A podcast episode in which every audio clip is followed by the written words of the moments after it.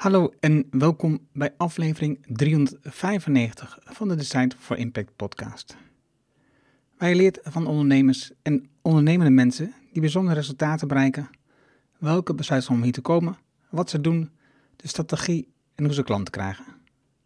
Mijn naam is Erno Hanning en ik deel mijn opgedane kennis, ervaringen en expertise met jou. Ik coach ondernemers zodat ze besluiten nemen om een impact te groeien. Vandaag het gesprek met Aldo van Duivenbode. Aldo is onderwijsinnovator bij Saxion Hogeschool. Hij werkt met het motto dat alle mensen zijn geslaagd vanaf hun geboorte en dat het onderwijs de taak heeft om alle mensen te helpen om de plek te vinden in de maatschappij waar ze bijdragen aan anderen en daarmee zelf tot bloei komen. Aldo noemt dat purpose-driven learning en pleit voor een ingrijpende transformatie van het onderwijs als basis voor de transformatie die nodig is in de maatschappij. Het is een interessant gesprek over het onderwijs, over leren en nog veel meer. Laten we beginnen. Welkom bij Design for Impact, de podcast waarin je leert van ondernemers en experts die een positieve, duurzame bijdrage leveren aan mens en omgeving. Met persoonlijke verhalen die je helpen om impactbesluiten te nemen voor jullie bedrijf. Dan nu, jouw business coach, Engel Halling. Welkom in de nieuwe podcastaflevering. Dit keer spreek ik met Aldo van Duivenbode. Welkom Aldo. Hoi, goed om hier te zijn. Ja, ik ga met de deur in huis vallen. Jij hebt een opleiding gedaan, eh, marketing, en hebt ehm, daarna bij nou alle grote bedrijven eh, in en om Nederland gewerkt. Allemaal. En, nou ja, in ieder geval Ja, de- veel- veel, veel, bekende. Ja. Op een bepaald moment eh, kwam je tot de conclusie om daar gigantisch mee te breken en te zeggen, ja, dit is niet wat ik wil, Ja. en stap je het onderwijs in. Ja. Wat is dat breekmoment? Dat breekmoment is, eh, dat is waar ik achteraf de woorden voor heb gevonden. Ik, ik was mijn totale gevoel van betekenis gewoon kwijtgeraakt. Ik was goed in wat ik deed en, en bleef dat doen en kon mijn hypotheek er fijn van betalen en mijn auto's. En, maar, maar ik werd er eigenlijk letterlijk ziek van. Dus ik kreeg een burn-out.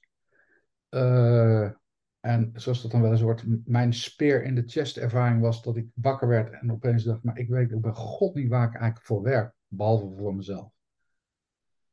En dat is het begin geworden van een zoektocht eh, die ook niet direct uitmondde in het onderwijs. Want ik heb ook een hele tijd het echt niet geweten. Maar ben uiteindelijk eh, heel, eh, heel- ja, in die zoektocht tot de slotsom gekomen dat ik met jonge mensen wilde werken. En dat doe je in het onderwijs. Wat, wat doe je dan in zo'n zoektocht? Op die banen en al die komen we zo meteen nog wel terug. Maar wat doe je dan in Ja. die zoektocht eigenlijk? Hoe, hoe ga je op zoek naar je volgende stap? Ja, dus wat, wat ik heb gedaan toen, en dat, dat, ik denk dat dat eh, voor, ook nu voor, voor mensen de weg is die ik zie die, ja, die gewoon nodig is, is de weg naar binnen. Wie ben je zelf? Waar kom je vandaan? Wat vind je belangrijk? Waar gaan je lampjes van branden? Eh, waar voel je echt mee verbonden van binnenuit? Hè, waar heb je een hartsverbinding mee?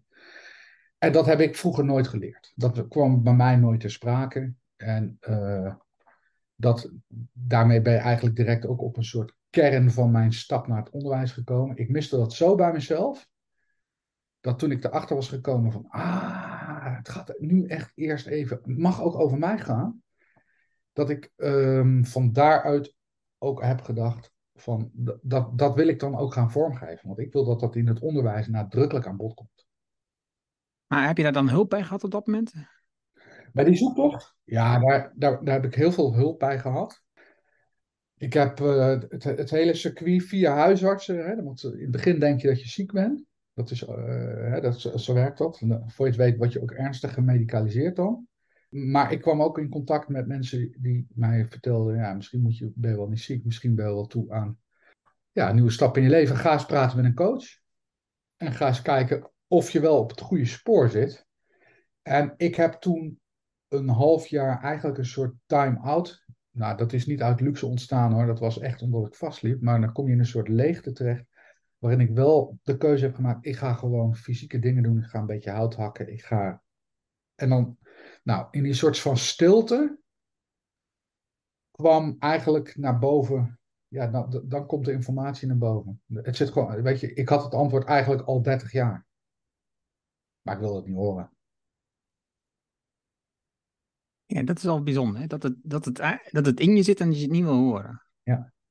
Ja. En eh, wat, wat, is wat is dan volgens jou, dan, als je nu terugkijkt, waarom je het niet wilde horen? Nou, omdat het niet in mijn plaatje paste, omdat ik graag wilde voldoen, omdat ik graag uh, de ideale zoon wilde zijn van mijn vader, of de, het goede voorbeeld naar mijn kinderen, of weet je, allemaal rolmodellen.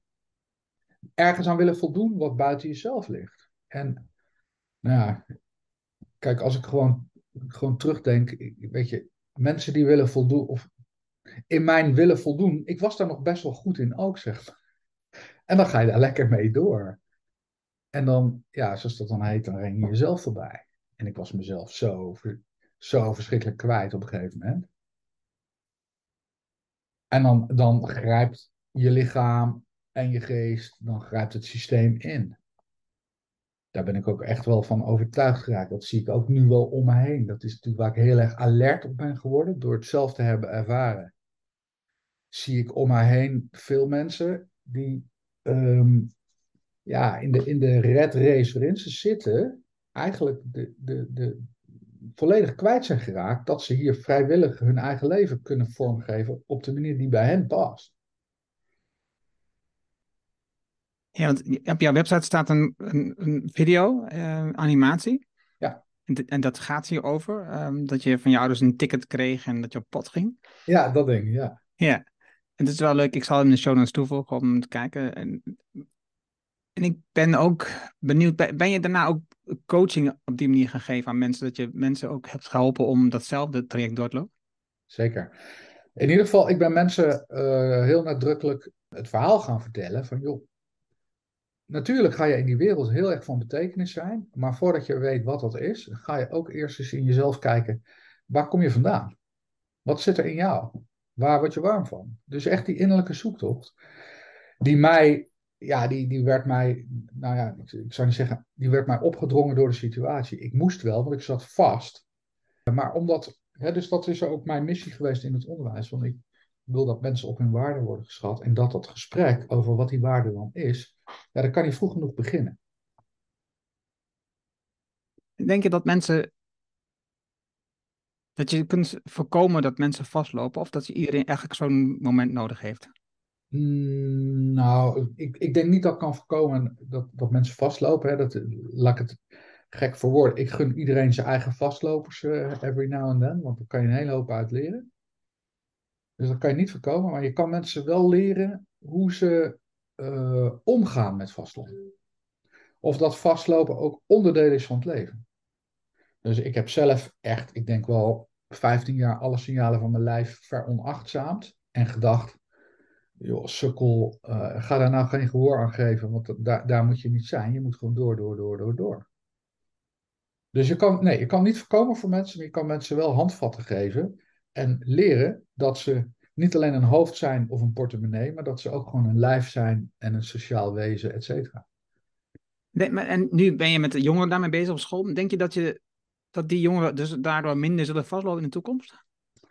Ik denk dat ze daardoor beter, in staat zijn om te gaan met de, met de veranderingen die op ze afkomen. Al dan niet gewenst. Hè? Sommige veranderingen kan je zelf teweeg brengen. En veel veranderingen komen gewoon op je pad.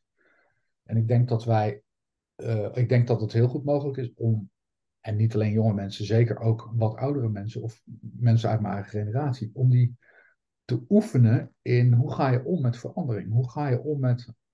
Hè, het, we zitten in een, in een tijd waarin het leven maakbaar, feestelijk, happiness, één groot, weet je, in de westerse wereld. Hè? Even, even in, in, in Nederland, goed verdienend uh, Nederland praat zo over het leven.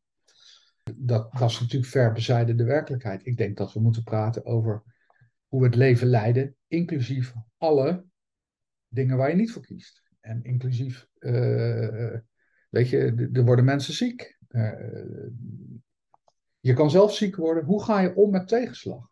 Dat hoort allemaal bij het leven. Het leven hoeft niet een feest te zijn.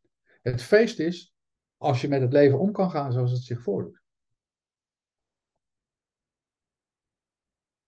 Dus ik zou een liefhebber zijn van het vak omgaan met ellendekunde of zo. In plaats van the art of happiness. Hè. Op Saxion hebben we iemand die dat doet. En dat is hartstikke mooi, want die doet mooi werk en die heeft echt een vakgebied zeg maar, op de kaart gezet. Maar in essentie zou ik mensen gunnen, en dit is heel autobiografisch, maar omgang met tegenslag.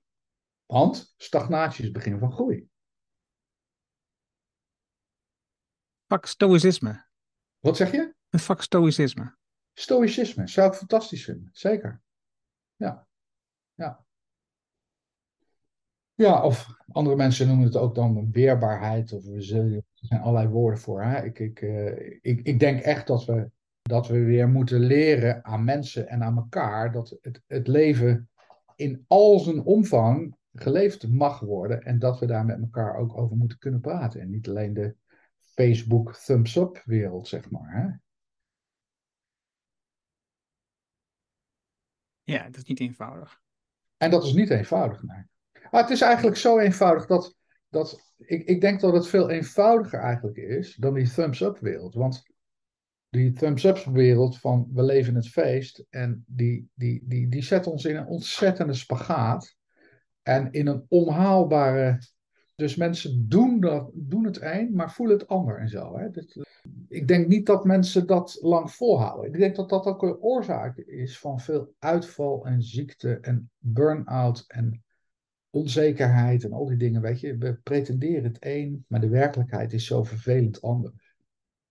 En er is maar één werkelijkheid, en dat de werkelijkheid. En er zit alles bij. Ik vraag wel eens aan mensen, wat is genoeg voor jou? Wanneer heb je genoeg? En dat is, dat is voor veel mensen een heel lastig te beantwoorden vraag, omdat ze gewoon daar nooit over nadenken. Wanneer hebben ze nu genoeg? Ja. Wat, ze zitten in die red race, zoals je net beschreven, en ze gaan gewoon altijd maar door. Ja. Ja, dus ik denk dat de kunst van het leven is, en dat heb ik voor mezelf ja, in alle heftigheid mogen ervaren. De kunst van het leven is dat je gewoon genoeg bent met, met jezelf en met wat er nu is. Wat er ook is. En dat is natuurlijk ook weer makkelijk gezegd in een westerse wereld. Hè? Dat, is natuurlijk, het moment dat jij honger lijdt en in, in, donker Afrika woont, is dat nog weer even anders. Maar je zal zien dat als je met die mensen daar praat, dat ze dat vaak onwaarschijnlijk goed ook kunnen. Hoe ze toch omgaan met, met omstandigheden waar wij, nou, dat, moeten wij dus niet eens proberen voor te stellen. Dus we zijn met z'n allen best wel watjes. Ja, ik weet niet of ik dat zo zou omschrijf, maar ik weet wel dat we enorm verwend zijn. Eh, dus gezien dat wij bij de rijkste 5% van de wereld houden, tenminste als je eh, gewoon een gemiddeld loon hebt in Nederland, dan, dan hoor je daar al bij. En, en, dat, en dat zijn we ons totaal niet bewust dat we zo rijk zijn. En tegelijkertijd um, zien we de problemen om ons heen toenemen. Hè. Dus we hebben, dus er vallen steeds meer mensen. Als je naar de donut uh, kijkt van Kate Raworth, die, die beschrijft dat zaterdag ook in de uh, uh, Gaia-lezing.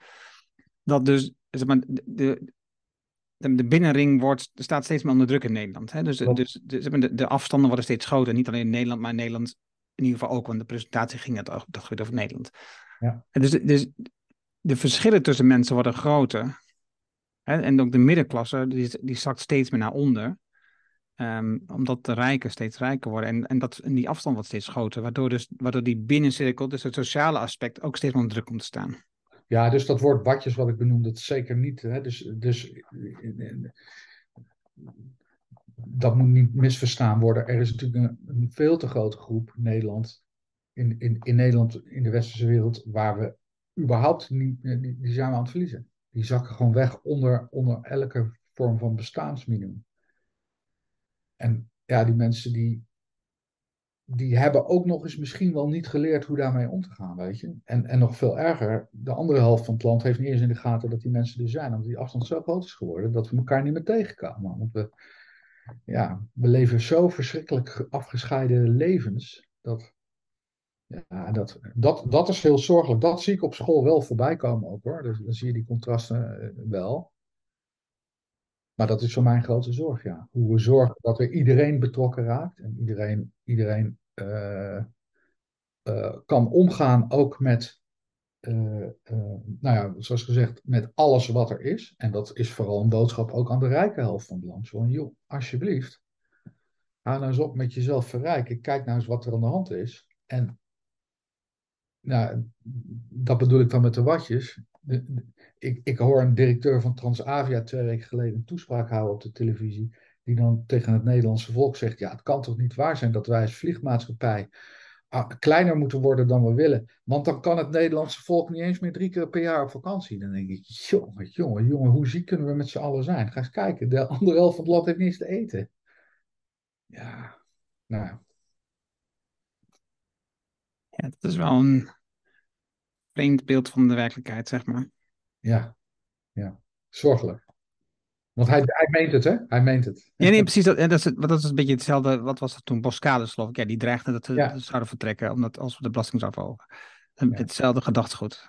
Ja, Ik- ja. mezelf, hou, hou alsjeblieft op en ga, ga alsjeblieft gewoon nu weg. Vertrek gewoon alsjeblieft nu. Want als je zo denkt, ga gewoon vertrek uit dit land. Ja, ogenblikkelijk. Ja, echt. Geen enkele vorm van, van compassie. En, en, en het ergste is dat we het ook met z'n allen, als ik de media-aandacht zie, het wordt uitgezonden, het wordt enigszins ondertiteld.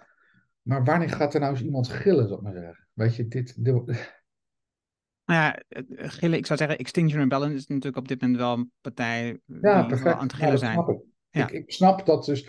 Dus dit roept ook gewoon. Ja, dus dat, dat, dat is denk ik ook wel de periode waar we in zitten al. En wat, nou, ik verwacht nog veel heftiger wordt. We gaan natuurlijk steeds grotere polarisatie tegemoet. Want dit gaat een heftige tegenbeweging oproepen. Ja, het- zoals ehm, Sander Schimmelpenning in zijn boek beschrijft over, hè, dus dat eh, de, de- hier- mensen komen met de hooivorken uiteindelijk op de rijk af. Hè, en als ze dat wil voorkomen, moeten ze zelf maatregelen gaan treffen. Als je dat, als je dat niet ziet, dan, dan, dan, komt, dan komen ze vanzelf met de hooivork op je af.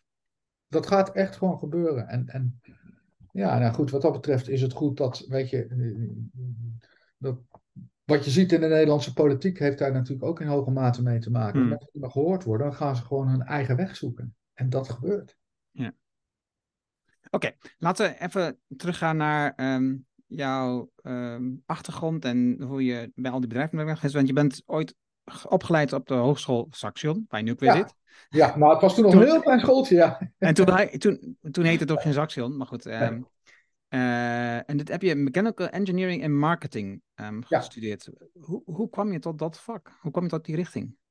Ja, dat is, dat is ook een beetje een rode draad in mijn, in mijn, in mijn leven. Ik, ik kon best wel wat van techniek en ik kon ook best wel wat van de commerciële kant, maar ik kon nooit kiezen. Dus ik ben altijd een soort van alleseter geweest. En eh, ben aan beide kanten niet de soort uitgesproken expert geworden, maar kon altijd die twee werelden verbinden. Maar dus, dus de praktische reden, ik kon niet kiezen of ik naar de HTS ging of naar de HAO, want dat was de keuze op dat moment, of de universiteit, iets, iets economisch. Dus ik wilde NN. Het is heel herkenbaar, voor mij in ieder geval. Ik heb, eh, ik heb nog een informatiemiddag meegemaakt bij de HTS, eh, of de HAO bedrijfskunde heette het volgens mij toen. En ehm, alleen de, de, de lastigheid daar was, ik moest dus dan weer een taal oppakken die ik niet goed kon. Ehm, en dat was mijn, eh, nee, dat was mijn, dat was mijn grootste bottleneck, waarom ik het uiteindelijk niet gedaan. Dus ik ben naar de HTS gegaan, Hogeschool Enschede was het toen. Ja, aan de En- boulevard. Ja, ja, maar we hadden boulevardles en we hadden toen ook al een nieuwe gebouw, toen ook al les. Oké. We ja. zaten naast de, eh, de, ehm, de HAO, zeg maar. De, we konden ook de kantine binnen, binnenlopen van de HAO, wat we regelmatig Ja, deden. Want het was toch iets gezelliger dan een kantine van de ATS natuurlijk.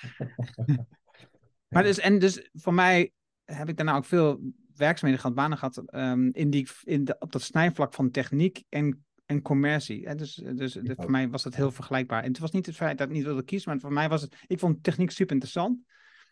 Maar niet interessant genoeg om daar de hele dag in te werken, zeg maar. Om de details in te gaan, om echt zelf te gaan zitten solderen of zo. Dat vond dan allemaal net, dat ging mij net te ver. Ja, dat herken ik ook. Ja. Dus, dus ik heb echt het profiel van een generalist. Ik, heb, ik ben het later nog eens echt gaan onderzoeken. Hè. Daar, daar werd ik, toen ik jong was, nog niet echt mee geholpen. Maar in, uit alle testen blijkt altijd dat ik en en. Ik ben een generalist en, en vind het leuk om in die breedte die koppeling te maken tussen al die vakgebieden. Dus dat heb ik eigenlijk ook altijd gedaan. Ik, ben, ik, ik, ik, ik, ik heb in nogal wat technische bedrijven gewerkt. En ik was eigenlijk een soort vertaalbureau altijd tussen de technici aan de ene kant en de, en de marktmensen en de logistieke mensen en al die verschillende partijen. Dus dat heb ik altijd met heel veel plezier gedaan. Ja, je eerste werkgevers waren allemaal, ehm, in ieder geval voor mij bekende naam. DSM, Ja, Philips, Holek, Ja. Kogas. ja, klopt. Isolectra zelfs nog, dat, ook dat bedrijf ken ik nog. Ja. allemaal hele bekende bedrijven. Ik denk dat ik naar al die bedrijven wel een, een sollicitatiebrief ooit heb gestuurd, uh, zelfs. Hè, behalve DSZ, daar had ik niets van mee. dus, het is wel herkenbaar. Ja, ja, ja, Voor mij, voor mij uh, Signaal was een bedrijf waar je, waar je nog heen had gekund dan nog. Uh, ja, die, die wilde mij niet. Oh, Want ik had een militaire achtergrond en die was niet goed genoeg of zo. ja, dat was natuurlijk wel een punt daar, ja. ja. Maar de, um, als ik naar Koga's kijk, um, daar heb je naar een tijd gekeken. Dat was de voorbereiding voor de uh, privatisering van de zakelijke energiemarkt. Hè? Ja. ja. Hoe, hoe kijk jij nu, vandaag de dag, naar de privatisering van de energiemarkt? In het algemeen. Hadden we nooit moeten doen. ik, ik heb daar inderdaad in het begin, dat, dat was mijn eerste klus als zelfstandige nadat ik bij Holek uh, uh, toch na hele korte tijd niet meer nodig was. Uh, toen ben ik voor, mezelf begonnen en kreeg die, die, die klus bij, bij Kogas en heb dus meegewerkt met het proces om bij Kogas mensen uit te leggen dat je klanten hebt en geen aansluitnummers. Dus dat was een soort interessante missie. maar, maar terugkijkend uh, moet ik zeggen, we zijn natuurlijk echt nu veel verder. En dan komen we toch weer op, op wat grotere politieke uh, verhalen. Maar ik vind niet dat we onszelf met z'n allen een dienst hebben bewezen door alle nutsfuncties te privatiseren. Dat is er niet beter op geworden. Nee, nee dat denk ik ook.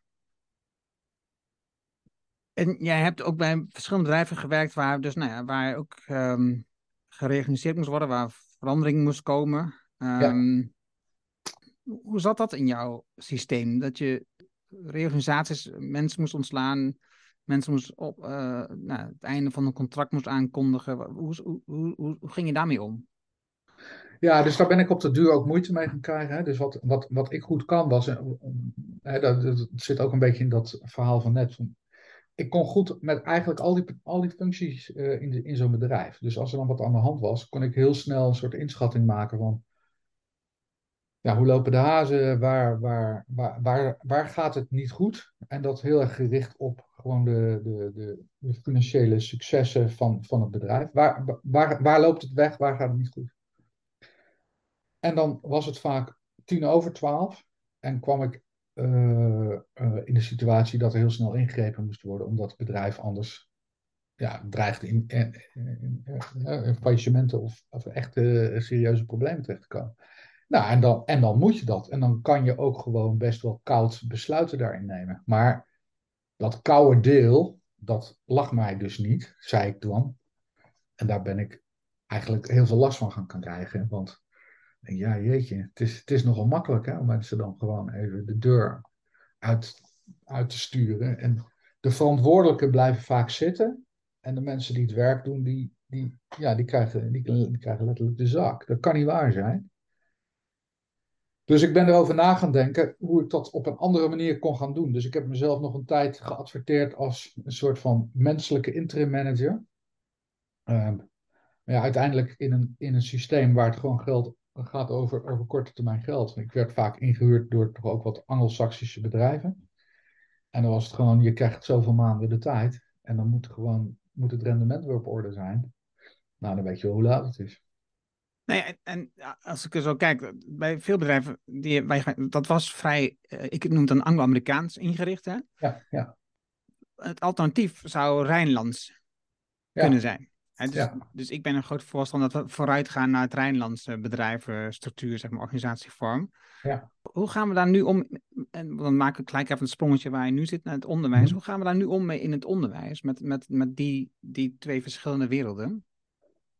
Nou, ik denk niet dat we ons daar heel bewust uh, zeg maar mee bezighouden of dat we daar echt een keus in hebben gemaakt. Hè? Dus het zijn het wordt natuurlijk gepresenteerd als twee soort conflicterende modellen. Eh, modellen. Het is of de een of, of Rijnlands of Anglo-Saxisch of weet je. Volgens mij maken we daar nooit bewust keuzes in. Kijk, het onderwijs heeft een andere dynamiek dan bedrijven waar we het net over hadden. Omdat bedrijven, zeker in die tijd, puur gestuurd op geld, uh, heel kort door de bocht besluiten kunnen maken. En in die zin werkt onderwijs heel anders, omdat het ook wel gestuurd op geld, maar gewoon, ja, het is, het is overheidsgefinancierd, het blijft in stand, er zit geen urgentie. Scholen gaan over het algemeen niet failliet. Nou ja, je zegt, dat, je zegt dat nu zo, maar als je toch kijkt naar veel scholen, die zijn alleen maar, zeg maar, op dezelfde manier zijn gaan fuseren, groter geworden, want dat is efficiënter. Zeker. Zeker. dan hebben we meer eh, geld over. En, en, en dat, Ja, scholen zijn ook in de industrialisatie meegegaan natuurlijk. Hè? Dus, dus eh, scholen zijn, van, zijn, zijn natuurlijk ook gewoon opleidingsfabrieken geworden waar efficiënt eh, mensen doorheen gejast moeten worden die op een standaard manier klaargestoomd zijn voor de arbeidsmarkt. Dat klopt. Ehm, en is dat, is dat dan, ik weet niet of dat dan anglo-saxisch is, Hè, dat, dat, dat zou in een Rijnlands model in die tijd, in die tijdsgeest ook gebeurd zijn. Dat was hoe we overdachten. By the way, het heeft ons ook iets opgeleverd, want we hebben natuurlijk echt veel nou, goed opgeleide mensen voortgebracht. Alleen ja, het is, ondertussen zijn we echt weer aan wat anders doen. Dus voor mij is het een logische stap dat we, net zoals dat dat in de industrie is gebeurd, van kleine schooltjes waar we het, hè, ik ben in een kleine school begonnen, waar we het net over hadden, dat die scholen hebben echt zich hebben uh, ingespannen om op grote schaal mensen uh, op te leiden voor die arbeidsmarkt. Dus een hele logische ontwikkeling. Ja, en, en ja, we zijn nu gelukkig alweer enige tijd in weer een heel ander tijdstip of een heel ander tijdperk beland, waarin dat industriële minder, ja, gewoon minder op zijn plaats is. We doen het nog wel. We zijn wat mij betreft nog steeds veel te industrieel als scholen. Maar we realiseren ons ondertussen dat het wel anders moet. Ik, moet, ik moet denken aan de presentaties, een TED-talk die ik ooit zag van Ken Robinson. Ja. Over de creativiteit, zeg maar, die uit de mens ja. wordt geslagen op school. Omdat dus de, de, de opleiding van de mens is vormgegeven vanuit de oorlog eigenlijk. Hè? Vanuit dus de Eerste Tweede Wereldoorlog, waarbij we mensen opleiden om bevelen op te volgen. Ja, klopt. Uh, en, en, dus, en dus in de industrialisatie is dat verder doorgezet. Hè? Dus we, we, we, hebben werknemers opgeleid om gewoon de opdrachten van managers te volgen. En dus niet meer zelf na te denken en ook dus niet meer creatief te zijn. Jij hebt het over dat dat nu wel wat verandert. Wat is, wat is hierin jouw volgende stap? Ja, dus ik denk na dat industriële tijdperk zijn we gaan inzien. Kijk, het, het is nooit zo dat zo'n tijdperk, uh, dat je kan zeggen op 1 januari gaan we een nieuw tijdperk in. Hè? Dat is natuurlijk een heel fluïde gedoe. Het oude is er. Je, je kan het beter vergelijken met, met operating systemen in telefoon. Hè? Je krijgt een upgrade en het oude blijft nog wel draaien, de oude apps, maar er komen apps bij. Zo'n zo soort van systeem. Hè? Dus na, na de industriële industrialisatie en de grote fusiebeweging van al die scholen zijn we veel nadrukkelijker gaan kijken naar individuen. Hè, dus er is meer ruimte gekomen voor individuele leerwegen. We zitten nog op een soort hybride, hè, van je moet wel standaard, maar je hebt wat meer keus. Dus je krijgt wat meer ruimte op persoonlijk niveau. Uh, en er is ondertussen alweer een heel nieuw paradigma zich daarnaast of daarboven of daaronder, hoe je het wil, aan het ontwikkelen. En dat is, we willen, en dat is ook waar ik zelf uh, me echt voor inzet, is dat we en, en, en. Hè. Het mag voor mij best op grote schaal, maar het gaat heel erg op individueel. Ieder mens zijn eigen richting. Maar ook nog ingebed in een wereld of als bijdrager aan een, aan een, aan een, aan een wereld. Dus hè, je kan ook doorslaan in te veel opleiden op klantwens, zeg maar. Hè. Dan krijg je een soort van, ja, moet ik zeggen, een soort Hè, zoals privé tijdschriften maken. Wij maken een tijdschrift opdat zoveel mogelijk mensen het lekker vinden. Wij kunnen ook een opleiding maken die heel veel mensen lekker vinden, maar waar niemand wat aan heeft, weet je. Dus je kan ook doorslaan in te, te klantgericht worden. En daar hebben we ook al een beetje, een beetje handje van in, in, uh, in die grote scholen, want we willen dat studenttevredenheid heel hoog is. Nou goed, dat, uh, daar moet je een beetje mee oppassen, denk ik. Want je moet ook nog wel zorgen dat, dat die student niet alleen tevreden is nu, maar ook op lange termijn tevreden is. En daar hoort bij dat hij bijdraagt. En dat, dat is een heel nieuw paradigma volgens mij in scholen, dat we de waartoe-vraag weer op tafel durven leggen. Waartoe leiden we eigenlijk op? Dus wat je al aangaf, we hebben lange tijd mensen opgeleid als een soort van ja, productiefactor in die industrie. En toen gingen we mensen opleiden opdat ze individueel gelukkiger werden. En nu moeten we een, een soort ja, wat holistische aanpak vinden, waarin mensen en hun eigen weg kiezen, En daar hoort bij, als jij een eigen weg kiest waar je ook lekker in voelt op lange termijn, dat je bijdraagt aan iets wat groter is dan jezelf. Een beetje, um, zoals ik het zie, en ik moet zeggen, ik heb het zelf natuurlijk ook uh, wel over nagedacht uh, hoe, hoe dat zou kunnen organiseren, maar daar ben ik nu al van afgestapt. En dus, dus um, de FIRE-beweging, dus uh, Financial Independent Retire Early.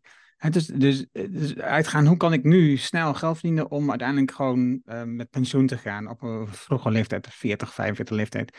Um, en dan draait het eigenlijk alleen maar om jezelf. Ja, precies. Het, dus het enige wat je dan doet is ervoor zorgen dat ik um, voldoende heb en ik uiteindelijk met pensioen kan gaan en dus met mijn gezin mijn ding kan doen en voor de rest interesseert me eigenlijk helemaal niks. Ja, exact. En dat zie ik nog veel in, in en ondernemersland, en dat hoor ik studenten ook zeggen, hè, dat uh, horen ze ook van huis uit. En zeker in dat economisch domein waar ik dan rondloop, daar, komen natuurlijk heel veel jonge mensen binnen die maar één doel hebben. En is zo snel mogelijk financieel onafhankelijk zijn, zodat je het fijnste leven van de wereld kan leiden.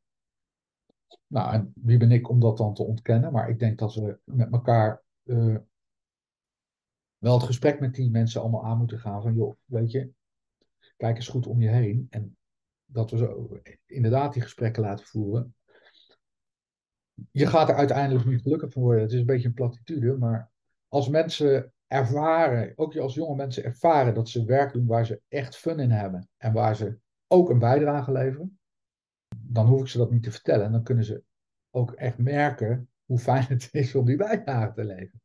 Het, het mooie van mensen in het onderwijs vaak, die hebben vaak als een roeping, of mensen in de zorg, die kunnen dat al heel jong hebben. Hè, dat ze weten, ik wil in de zorg, want ik vind het fijn om mensen te helpen. Nou, het economisch domein is dat ook wel aanwezig, maar veel minder.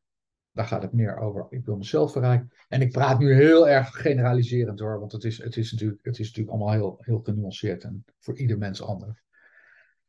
Maar dat gesprek voeren over waartoe ben je hier op, op aarde en waartoe laat je opleiden en waar wil je aan bijdragen, dat is wel een vraag die we, nou die, die moet wel weer geherintroduceerd worden, laat ik maar zo zeggen. Je hebt in 2022, dus vorig jaar, een beurs ontvangen bij de Saxion. Ja, ja, die, heb ik, ja. ja, die heb ik vanuit, vanuit, een, uh, vanuit NRO uh, gekregen, dus niet vanuit Saxion. Maar... Nee, maar, voor, voor, voor, zeg maar als Saxion heb je dat ontvangen, zeg maar niet als yes. mens, maar ja. ja. Wat, is, wat, is jouw, wat wil je daarmee bereiken? Wat wil je daarmee doen? ja, dat, het onderzoek heet Purpose Driven Learning, het plan wat wij hebben gemaakt. Dat gaat, dat gaat over hoe kunnen we studenten individueel benaderen en, nou, zoals wij dat dan zeggen, ophalen bij de bushalte waar ze staan, wherever that is. Um, en samen met ze uitvinden wat de volgende stap in hun leven gaat zijn. Dat is de ene kant van het verhaal, dus dat is het kleinste wat het kan zijn. Dus heel individueel gesprek voeren met studenten. En aan de andere kant het grootst mogelijke vraag van wat in deze wereld is waar jij aan bij wilde. Nou, dat is natuurlijk een zoektocht. En ik wil laten zien dat als wij dat doen met studenten, en ik doe dat al, ik heb dat in experimentele omgevingen echt al een lange tijd kunnen doen in die honorsprogramma's. Wat wij willen aantonen is dat dat A opschaalbaar is en ook leidt naar een welbevinden bij studenten, hoge tevredenheid bij, bij bedrijven waar ze uiteindelijk komen te werken. Dus dat het echt een win-win-win situatie is voor alle betrokken partijen. Omdat je mensen op een ander level aanspreekt, hè, de studenten, en niet meer op het soort van level, als jij doet wat, je, wat ik zeg, dan word je wel eens iemand. Maar omdat je al als startpunt kiest van jij bent al iemand en laten we samen kijken waar dat tot z'n recht mag komen. Dus het, het is een andere positiekeuze. Hoe, hoe zie jij dan het stuk uh, het praktische versus theoretisch opge opgeleide mensen? Want je zit natuurlijk op hogeschool. Ja, ja dus, dus ook daar stellen we, hè, we hebben in, de, in het industriële tijdperk hebben we, we zeggen, een kenmerk van het industriële tijdperk is dat we hele strakke lijntjes zetten en ons daarop inrichten.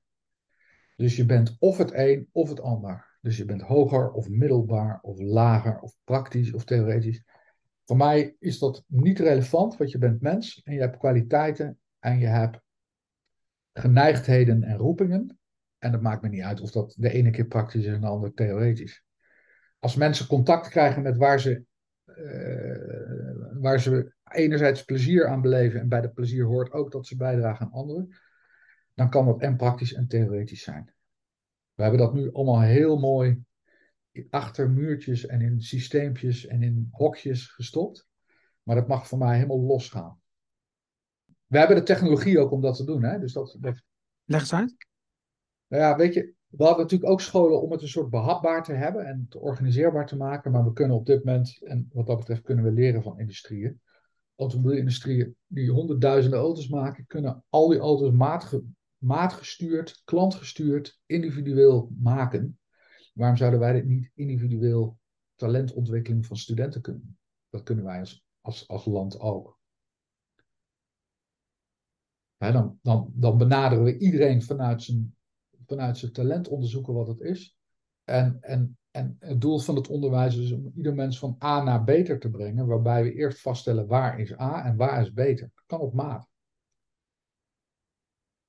En dat, voor mijn gevoel, zou dat ook betekenen dat de afstand die nu is, zeg maar, tussen, tussen hoogopgeleide mensen, eh, mensen die we zien in managementberoepen, mensen die we zien in de overheid, mensen die we zien in de Kamer, eh, de Eerste en Tweede Kamer. Dat zijn allemaal mensen die hoog opgeleid zijn, die niet meer weten wat er omgaat in de wereld van eh, de mensen die ja, praktisch opgeleid zijn. Dan en een hoog opgeleid moet dan zeggen theoretisch opgeleid, theoretisch opgeleid zijn, dus praktisch opgeleid. Dan zie je dus dat als we dat zouden weghalen, zoals jij dat schetst, dan zou waarschijnlijk dus ook die afstand dus verkleinen. Want dan zijn die mensen weer bij elkaar. Ja, daar ben ik van overtuigd. En bovendien, er zijn niet of theoretisch of praktische mensen. Hè. Er, zijn, er zijn mensen die. Hè, ik, ik, heel, heel dichtbij, voorbeeld, mijn, mijn zoon wil in het huidige, wilde in het huidige systeem helemaal niet deugen. Uh, band die werd ingeschaald bij de praktische, op, hè, aan de praktische kant. Die is niet geslaagd in het schoolsysteem, maar laat nu zien dat hij aan de ene kant heel praktisch succesvol kan zijn als ondernemer. Uh, hij is niet hoog opgeleid, hij is niet theoretisch opgeleid, maar als hij voor zijn koffiebranderij moet leren hoe je koffie moet branden, dan gaat hij heel theoretisch procestechnologie leren op een hoger niveau dan een HBO. Gewoon omdat hij dat gewoon interessant vindt en nodig heeft. Dus Hetzelfde geldt voor mij. Hè? Ik ben blanke man, hoog opgeleid. Ik vind het fijnste wat er is om gewoon in mijn achtertuin een muurtje te metselen en een huisje te knutselen. Dus die, dat hele onderscheid is, is gewoon puur artificieel. Weet je? Ja, artificieel of niet, maar je ziet dat de afstand tussen mensen die op dit moment in, in de Kamer zitten, ambtenaren ook in de gemeentes, dat die erg groot is tot de praktijk. Hè? Dus dat, die, dat zij niet meer weten, eh, je schetst net dat voorbeeld van, van Martinair, dat ze niet meer weten wat, wat, wat de werkelijkheid is, omdat ze zich omringd hebben met mensen die ja. ja in die andere wereld leven. En, en je ziet ook dat, dat mensen in praktische beroepen ook heel graag willen doorgroeien naar een managementfunctie, want daar zit het, het, grote, het grote geld, daar zitten de gouden eieren, want daar heb je meer vrijheid in je job, je hebt meer vrijheid in de tijd van de uren die je wilt werken, je hebt meer loon. Er zitten zoveel tussen quotes voordelen aan, dat mensen geneigd zijn om daarvoor te gaan.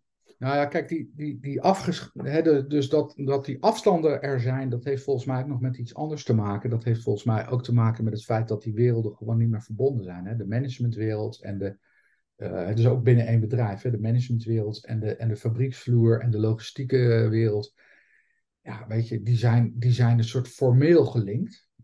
Of, of even in mijn, in mijn situatie in de school is het management en het onderwijs en de studenten zijn op formele manieren gelinkt. Alleen het dagelijkse ervaren dat we één geheel zijn, ontbreekt vaak. Omdat we het veel te groot en veel te abstract hebben gemaakt, weet je.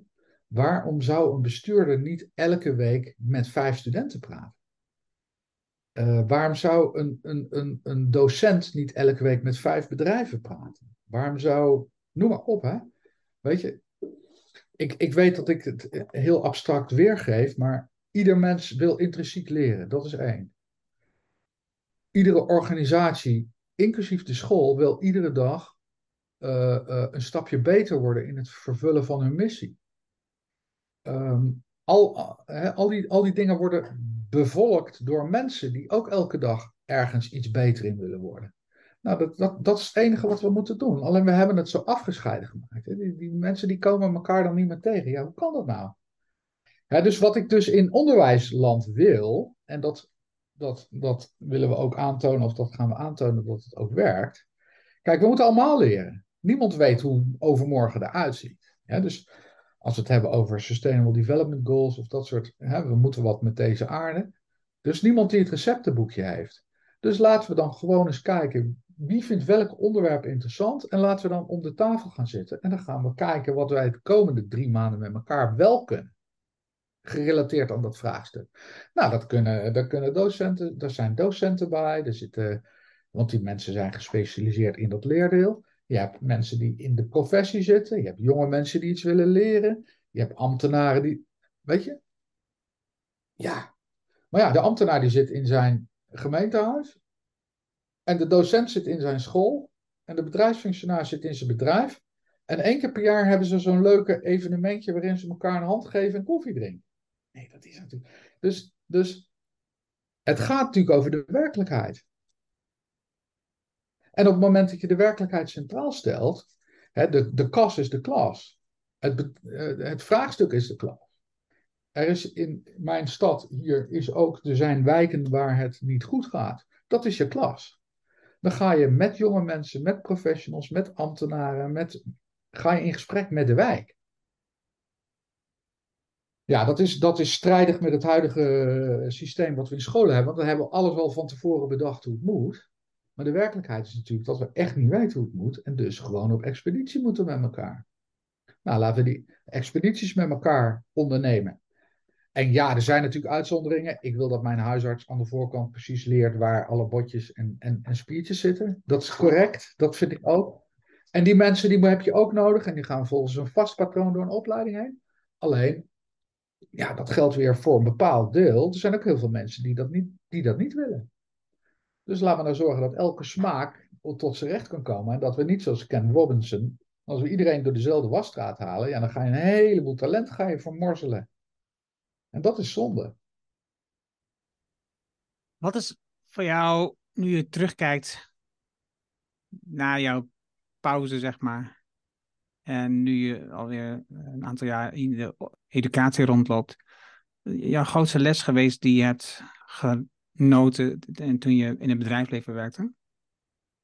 De grootste les uit het bedrijfsleven? Mm Oeh, dat is een grote vraag de grootste les die ik heb.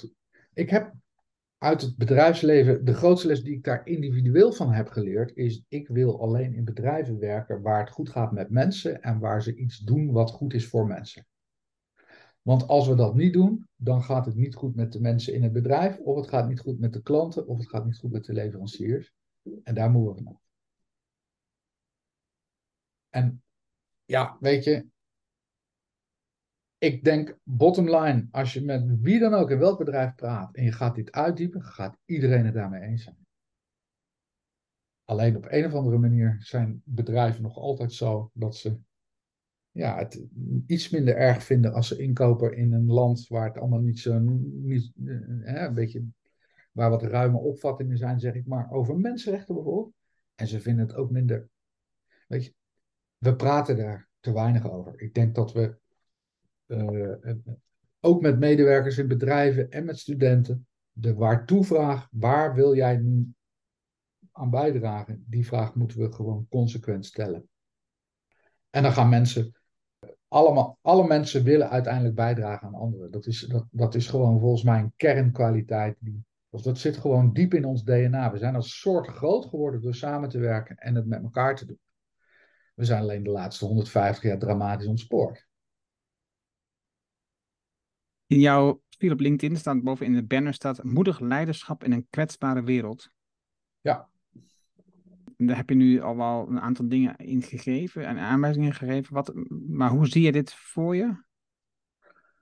Nou, de, eh, voor, voor, mij is moedig, moed is een belangrijk woord. Uh, dat, dat, dat, dat wens ik iedereen toe. Dus voor mij, de definitie van moed is dat we uh, iets heel erg spannend vinden en het desondanks toch doen. Uh, of het niet durven en het desondanks toch doen. En wat er nodig is in deze wereld is dat we de, het gat tussen wat we weten en wat we doen dichten. Daar hebben we moed voor nodig. dus, dus het grootste probleem in deze wereld, als je bijvoorbeeld kijkt naar biodiversiteit, al die grote issues, vluchtelingen, uh, SDG's, de knowing-doing gap is te groot. We weten het, maar we doen niks. En dat heeft te maken met lef en moed. Dus moedig leiderschap. We hebben mensen nodig die um, uh, ergens voor staan en het alvast wel doen. Uh, en in een kwetsbare wereld, ja, niet I say more. Ik denk dat als we niet heel snel heel moedig worden, dat we als, uh, als, als, als diersoort mens het heel erg moeilijk gaan krijgen en onszelf bezig zijn effectief uit, uit te roeien. Zie jij genoeg moedige jongeren om dit te realiseren, voor duidelijkheid? Uh, ja, ik denk dat het heel makkelijk is. Mijn ervaring is dat het heel makkelijk is om jongeren moedig te maken. Dus, hè, dus moedigheid is iets wat aangewakkerd kan worden. Van nature zijn mensen moedig. Van nature zijn mensen gemotiveerd. Van nature zijn mensen creatief. Van nature uh, zijn mensen uh, heel erg genegen om veel te leren en te proberen. Alleen, ja, we, we leren het ze af. Want als jij niet dit en als jij niet dat. Dus, dus ik denk dat we weer moeten leren om mensen te nemen zoals ze zijn. En het goede daarin te zien en dat te versterken. En niet te zeggen, ja, joh, je hartstikke goed, maar je voldoet niet, dus je gaat van mijn school af. Dat is echt een rare benadering. Hè? Dus op hogescholen valt 40% af. Ja, hoe kan dat dan? Die komen, ja, die komen ook ergens in de maatschappij. Hè? Dus die, dat, en die, die, die geven ook nog het gevoel mee dat het losers zijn. Lijkt me niet goed. dat is wel veel, ja. ja dus dat kan, niet, dat, dat kan gewoon zo niet doorgaan. Jij um, ziet jezelf als onderwijsvernieuwer. Ja. Is dat een ingewikkelde functie? Dat is een ingewikkelde functie omdat het te maken heeft uh, met, met hele grote systemen. Dat is het ingewikkelde ervan. Aan de andere kant is het ook heel makkelijk, omdat ik gewoon vandaag kan beginnen. En dat, dat. Als je met je moed hebt. Ja, dat, is, dat laatste is wat ik mensen. Dus, hè, dus er wordt vaak gepraat over het onderwijs. Maar ik denk dat we veel meer in die zin uh, over ik moeten praten. Hè, dus ik, ik ben ook een voorstander van een nieuw ik-tijdperk. En dan niet de graaiende ik, maar de voorlevende, dienende ik. want ik kan maken het verschil in de wereld. En wij en bestaan niet, want die hebben een telefoonnummer. Als, een, als je ergens een vergadering hoort, wij gaan het doen, nou, berg je maar hoor. Komt niet goed. Je hebt mensen nodig die zeggen, ik ga vast beginnen. En dat, dus in die zin, kijk, onderwijs is als systeem niet te veranderen. Maar onderwijs is als mens ogenblikkelijk te veranderen door een andere taal in je klas te gebruiken. En daarmee is het systeem ook veranderd. Dus we moeten even uit die complexiteit gewoon naar onszelf en gewoon ja, de moed opvatten om morgen een ander verhaal te vertellen aan, nou, aan de mensen waar we mee werken. Ingewikkelder wordt het niet. Nee. Ja, weet je, we zijn natuurlijk dol op die grote abstracties. Hè? We gaan het onderwijssysteem veranderen en zo, maar ja, kan natuurlijk gewoon niet. Niemand weet maar hoe het is gemaakt. En hoe wij het veranderen. Het enige wat we kunnen veranderen is nu ons eigen, ons eigen gedrag. En kijk, ook onderwijsbestuurders kunnen gedrag veranderen en ook ministers. En uh, daarmee kunnen ze al dan niet een grote of minder grote impact maken. Maar we zijn gediend bij ikken die gewoon het voortouw nemen en het alvast gaan doen. En dat is een boodschap die heel belangrijk is voor jonge mensen. Hè? Want jonge mensen leven in het besef vaak van ah joh, maakt, maakt geen reet uit wat ik doe, want ik doe er niet toe. De wereld is zo groot en zo complex. Ja, ja, ja. Nou, dat verhaal dat is niet zo dienend. Het verhaal is iedere, alles wat ooit is gebeurd vanuit menselijke oorsprong is bij iemand begonnen die begon. Waar begin jij mee? Nou, als mensen, dat heb ik zelf ervaren, op het moment dat je voor jezelf daar een beetje hunch van hebt waar je het voor doet, en waar je mee bezig bent, ja, dan vind ik het niet zo moeilijk om. Weet je, ik heb dan niet zo last van die complexiteit. Ik doe het toch wel. En dat gun ik mensen. naast het werken bij de hogescholen waar je functies hebt, heb je ook nog steeds je eigen bedrijf Nieuwe Zaken. Ja. Waarom heb je die combinatie, waarom hou je die aan? Omdat ik het leuk vind om mijn eigen talent te blijven ontwikkelen en in nieuwe situaties te kunnen stappen of soms in oude situaties terug te kunnen keren. Uh, wat ik bijvoorbeeld doe naast mijn werk bij hogescholen is dat ik uh, me wel eens verhuur aan een bedrijf MyQuest. Ik ben dol op werken in de natuur met jonge mensen. Nou, daarnaast doe ik via nieuwe zaken nog wel eens wat coaching. En help ik ook nog wel eens een bedrijf waar iets speelt. Maar dat is op dit moment klein. Want heb je, heb je een tijdsverdeling in? Ja, dat is, op dit moment is dat uh, gelimiteerd tot uh, uh, halve dag in de week. Oh. Dus dat is op dit moment heel beperkt, want ik ben op dit moment in de snoepwinkel van de hogeschool zo druk dat ik er weinig naast kan doen. Maar als ik zo af en toe op kwesttrek kan met jongeren in de natuur in de achterhoek, dan, uh, uh, dan zeg ik toch een paar keer per jaar ja. Dat is toch te leuk. Ja, ja. een paar keer per jaar is ook niet, niet echt een grote ingreep, denk ik. Nee, maar dan ben ik wel vier of vijf dagen gelijk weer weg. Hè? Ja. Dus dat, uh, ja. ja. Er is nog één ding wat ik nog wil um, aanstippen. Jij hebt um, vorig jaar een boek uitgegeven. Ja. Um, betere businessmodellen en betere wereld. Ja.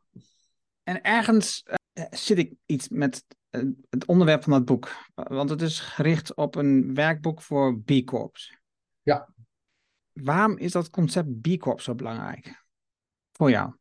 Nou, weet je, het concept B Corp is voor mij niet belangrijk, maar ik heb gezocht in het onderwijs en uh, daarvoor ook al voor bedrijven naar een, een hanteerbaar model. Als we het hebben over duurzaamheid of over, ik heb het nog liever over bloei. Wat is dat? En dan is uh, uiteindelijk voor mij na een zoektocht is B Corp een model gebleken wat een mooi framework biedt. Een soort het is open source. Daar hou ik van. Het is ook allesomvattend. Hè? Dus het is niet alleen ecologie of alleen so sociale waardecreatie.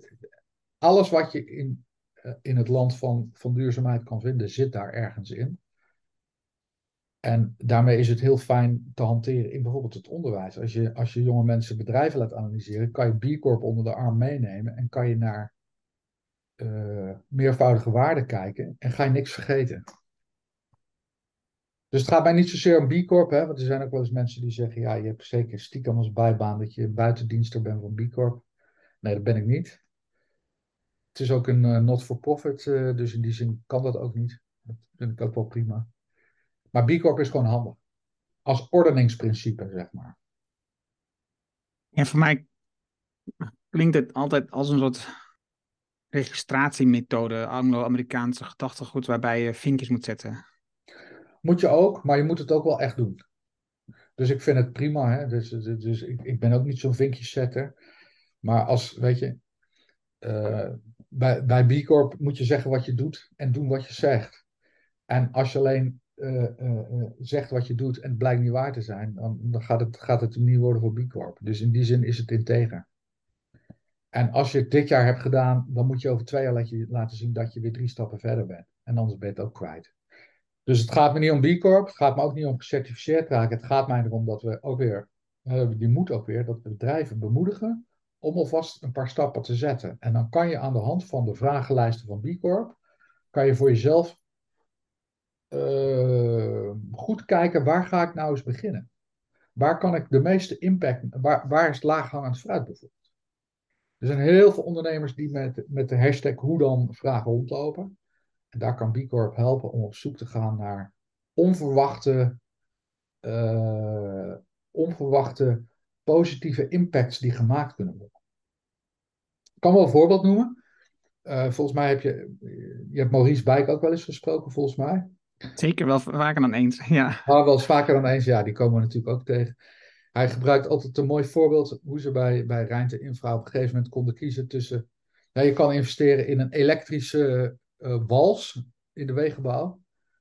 En nou, dat kost een bepaalde hoeveelheid geld en dat heeft een bepaalde CO2-impact. En, uh, maar zij hebben toen gekozen om voor al hun medewerkers een duurzaam energiecontract te regelen. Nou, dat, dat, dat is als een soort van in B Corp begrijpen mensen dat je dat, dat, dat, uh, hè, dat bij elkaar kan. Of dat dat tegen elkaar kan werken. En nou, zij hebben dan gekozen om impactredenen voor dat energiecontract in plaats van voor die. En daarmee wordt het gesprek lekker breed. Snap je? Dat vind ik tof van B Corp. Hè? Dat, dat je en maatschappelijke waardecreatie, en sociaal, en ecologisch. En dat je in je governance het een en ander moet doen. En naar je partners, je leveranciers, je klanten.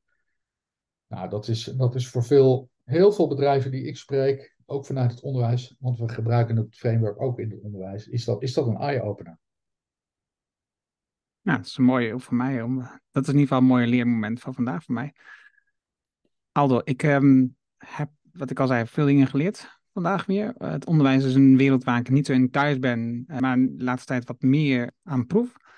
Het was eh, mooi om van je te horen over hm, hoe je studenten van A naar B brengt. En tegelijkertijd bezig bent met die zoektocht hoe je uh, de educatie kunt inrichten dat het wordt mogelijk gemaakt. Dat je dit ook op grote schaal gaat organiseren. Onder andere bij het Saxo, maar ook andere plekken. Ja. En uh, de moedigheid van, van het geheel, van mensen. Dat we, uh, dat we kunnen beginnen en dat het ook begint bij ik, bij, bij jou, vandaag, morgen. Je hoeft niet uh, eerst iets, een systeem uh, te onderzoeken of wat, maar je kan gewoon, je kan gewoon beginnen. Um, en, ja, en soms hebben, dus moeten we, het moet een beetje aanwakkeren bij jonge mensen.